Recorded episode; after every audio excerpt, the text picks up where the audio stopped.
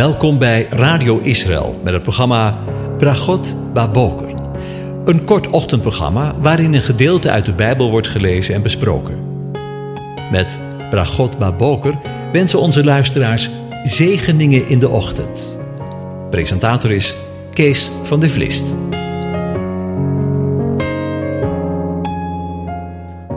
Goedemorgen, Bokatov, beste luisteraars. Vanmorgen denken we weer verder na over Psalm 132 en ik lees de hele psalm aan je voor. Een pelgrimslied. Here, denk aan David, aan al zijn lijden, hoe hij de Heere gezworen heeft, de machtige Jacobs deze gelofte deed. Nee, ik ga mijn tent, mijn huis, niet binnen. Ik leg mij op de rustbank, mijn bed niet neer. Ik gun mijn ogen geen slapen, mijn oogleden geen sluimer. Totdat ik voor de Heere een plaats gevonden heb, een woning voor de machtige Jacobs. Zie, we hebben van de ark gehoord in Efrata, hem gevonden in de velden van Jaar. Laten we zijn woning binnengaan, ons neerbuigen voor de voetbank van zijn voeten. Sta op, heren, ga naar uw rustplaats, u en de ark van uw macht. Laat uw priesters bekleed worden met gerechtigheid. Laat uw gunstelingen juichen en wijs het gebed, dit gebed, het gezicht van uw gezalfde niet af, omwille van David, uw dienaar. De Heere heeft David in waarheid gezworen en hij zal daar niet van afwijken. Eén van de vrucht van uw schoot zal ik op uw troon zetten.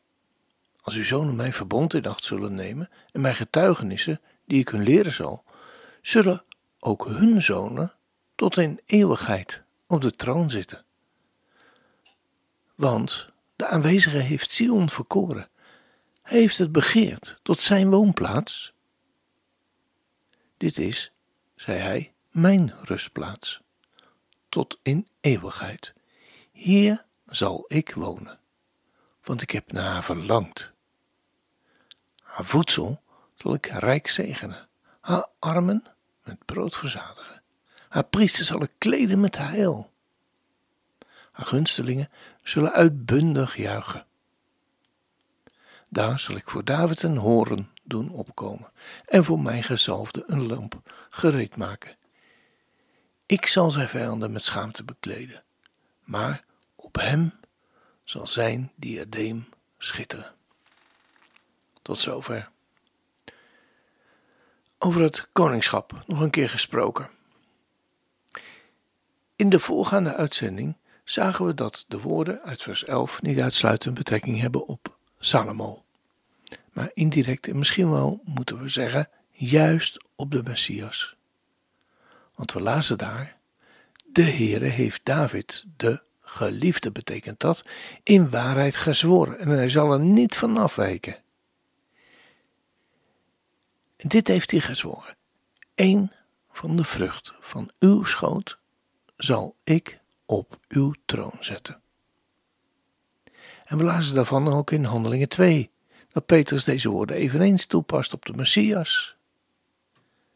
Maar broeders, het is mij toegestaan over de aartsvader David vrij uit te spreken en u te vertellen dat hij gestorven en begraven is, dat zijn graf tot op deze dag bij ons is.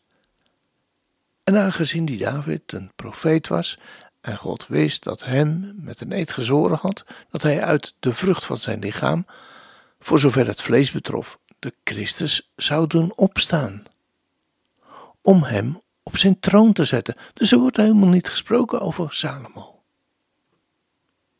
En daarom voorzag hij dit en zei hij over de opstanding van Christus dat zijn ziel niet is verlaten in het graf en dat zijn vlees geen ontbinding gezien heeft. Deze, Jezus, heeft God doen opstaan, waarvan wij alle getuigen zijn.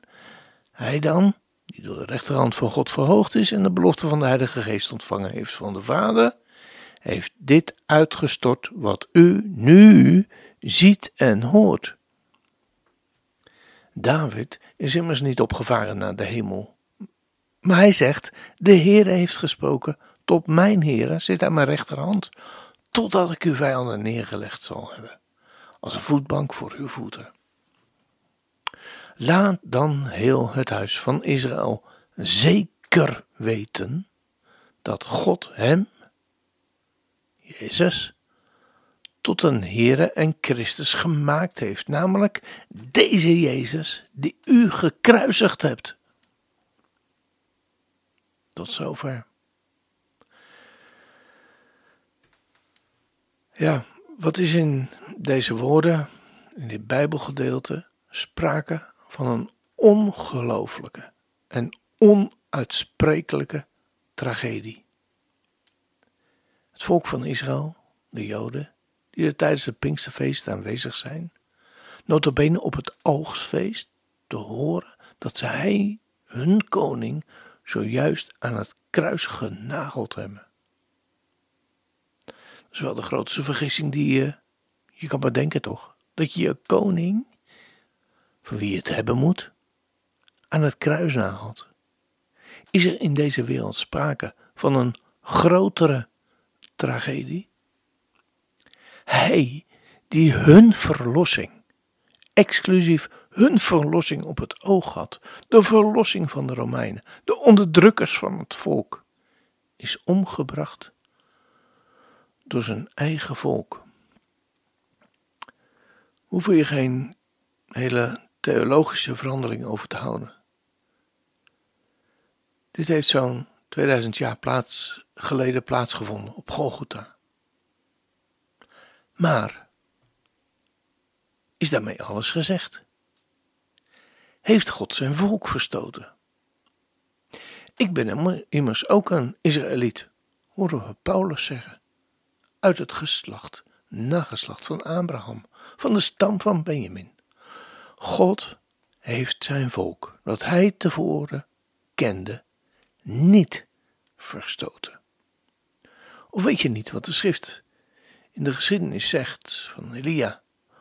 Hoe hij God aanspreekt over Israël en zegt: Heere, uw profeten, ze zijn gedood en uw altaren afgebroken. En ik ben alleen maar overgebleven. En ook staan ze mij nog naar het leven. Maar wat zegt het goddelijke antwoord tegen hem? Ik heb voor mezelf nog 7000 mannen overgelaten, die de knie voor het beeld van Baal niet gebogen hebben. Zo is er dan ook in deze tegenwoordige tijd, ook toen, in het begin van onze jaartelling, maar ook in onze tegenwoordige tijd, 2022, een overblijfsel ontstaan overeenkomstig de verkiezing van de genade. Maar als het door genade is, is het niet meer uit te werken, want anders is het geen genade meer. En als het al uit te werken is, is het geen genade meer, anders is het werk geen werk meer. Wat dan? Wat Israël zoekt, dat heeft het niet verkregen, maar de uitverkoren deel heeft het verkregen en de andere, ja, ze zijn verhard. Zoals geschreven staat in Jesaja 29 vers 10. God heeft hun een geest van diepe slaap gegeven, ogen om niet te zien en oren om niet te horen tot op de dag van heden.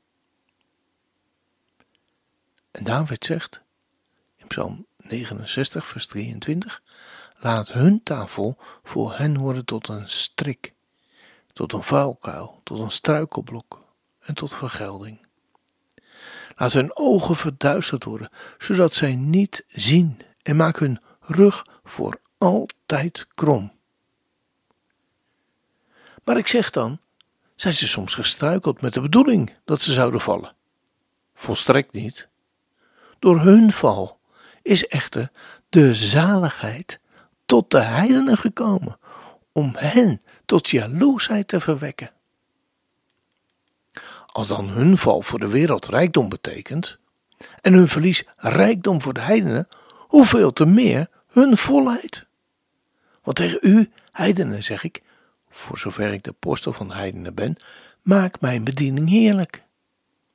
om daardoor zo mogelijk mijn verwanten, mijn Israëlieten, mijn volk, wat betreft het vlees tot jaloersheid te verwekken en enigen uit hen te behouden. Want als hun verwerping, moet u goed luisteren, want als hun verwerping de verzoening voor de wereld betekent, voor de wereld betekent, wat betekent dan hun aanneming? Anders dan leven uit de doden. En als de eerstelingen heilig zijn, dan ook het deeg. En als de wortel heilig is, dan de takken ook. Als nu enige van de takken afgerukt zijn en u, die een wilde olijfboom bent, in hun plaats, of tussen hen in, bent geënt, en mede deel hebt gekregen aan de wortel en de vetheid van de olijfboom, beroem u dan niet tegenover de takken en als u zich beroemt, u draagt de wortel niet, maar de wortel u. U zult dan zeggen: De takken zijn afgerukt, opdat ik zou worden geënt. En dat is waar. Door het geloof zijn zij afgerukt, en u staat door het geloof. Maar heb geen hoge dunk van uzelf, maar vrees. Want God is de natuurlijke takken niet gespaard heeft, dan is het ook mogelijk dat Hij u niet spaart. Zie dan de goede tierenheid en de strengheid van God. Strengheid over hen die gevallen zijn, over u echter goeder tierenheid. Als u in de goede tierenheid blijft, anders zult u ook afgehouden worden. En ook als zij, als zij niet in het ongeloof blijven, geënt worden, want God is machtig hen opnieuw te enten. Want als u afgehouden bent uit de olijfboom, die van nature wild was, en tegen de natuur in op de tamme olijfboom geënt bent, hoeveel te meer zullen zij, die natuurlijke takken zijn, geënt worden op hun eigen olijfboom. Want ik wil niet, broeders, dat u geen weet hebt van dit geheim, opdat u niet eigenwijs zou zijn, dat er voor een deel verharding over Israël gekomen is. Totdat, totdat de volheid van de heidenen is binnengegaan. En zo zal heel Israël, u hoort het goed, en zo zal heel Israël zalig worden. Zoals er beschreven staat. De verlosser zal uit Sion komen, Jeruzalem, en zal de goddeloosheden afwenden van Jacob. En dit is het verbond van mij met hen, wanneer ik hun zonde zal wegnemen. Ze zijn weliswaar, wat het evangelie betreft, vijanden vanwege u, maar wat de verkiezing betreft, geliefde vanwege de Vader, de genade gaven en de roeping van God zijn onberouwelijk. Zoals ook immers ook u voorheen ongehoorzaam was, maar nu ontferming verkregen hebt door hun ongehoorzaamheid. Zo zijn ook zij nu ongehoorzaam geworden, opdat ook zij door de ontferming die u bewezen is, ontferming verkrijgen zouden. Want God heeft hen alle in hun ongehoorzaamheid opgesloten om zich over allen, hoort het goed, te ontfermen. O diepte van rijkdom, zowel van wijsheid en van kennis van God. Hoe ondoorgrondelijk zijn zijn oordelen en onnespeurlijk zijn wegen. Want wie heeft de gedachten van de Heer gekend? Of wie is zijn raadsman geweest? Of wie heeft hem eerst iets gegeven en het zal hem vergolden worden? Want uit hem en door hem en tot hem zijn alle dingen. Hem zij de eerlijkheid tot in eeuwigheid. Amen.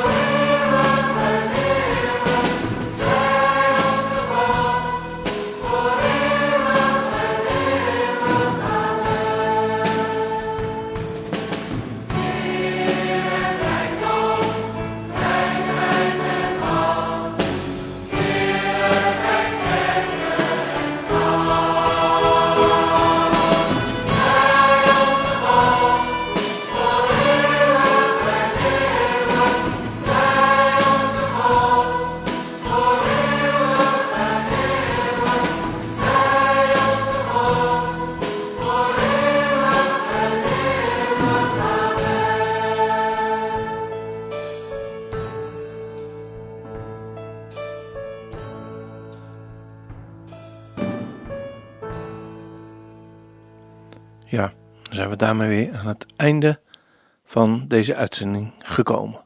Wens ik u God zegen toe voor deze dag. De Heer zegent en hij behoedt u. De Heer doet zijn aangezicht over u lichten.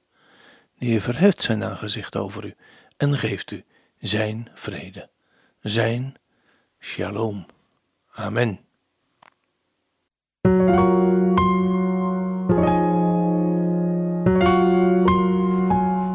U hebt geluisterd naar het programma Bragot Baboker. Een kort ochtendprogramma waarin een gedeelte uit de Bijbel wordt gelezen en besproken. Wilt u het programma nog eens naluisteren, dan kan dat. Ga naar radioisrael.nl en klik onder het kopje radio op Uitzending gemist.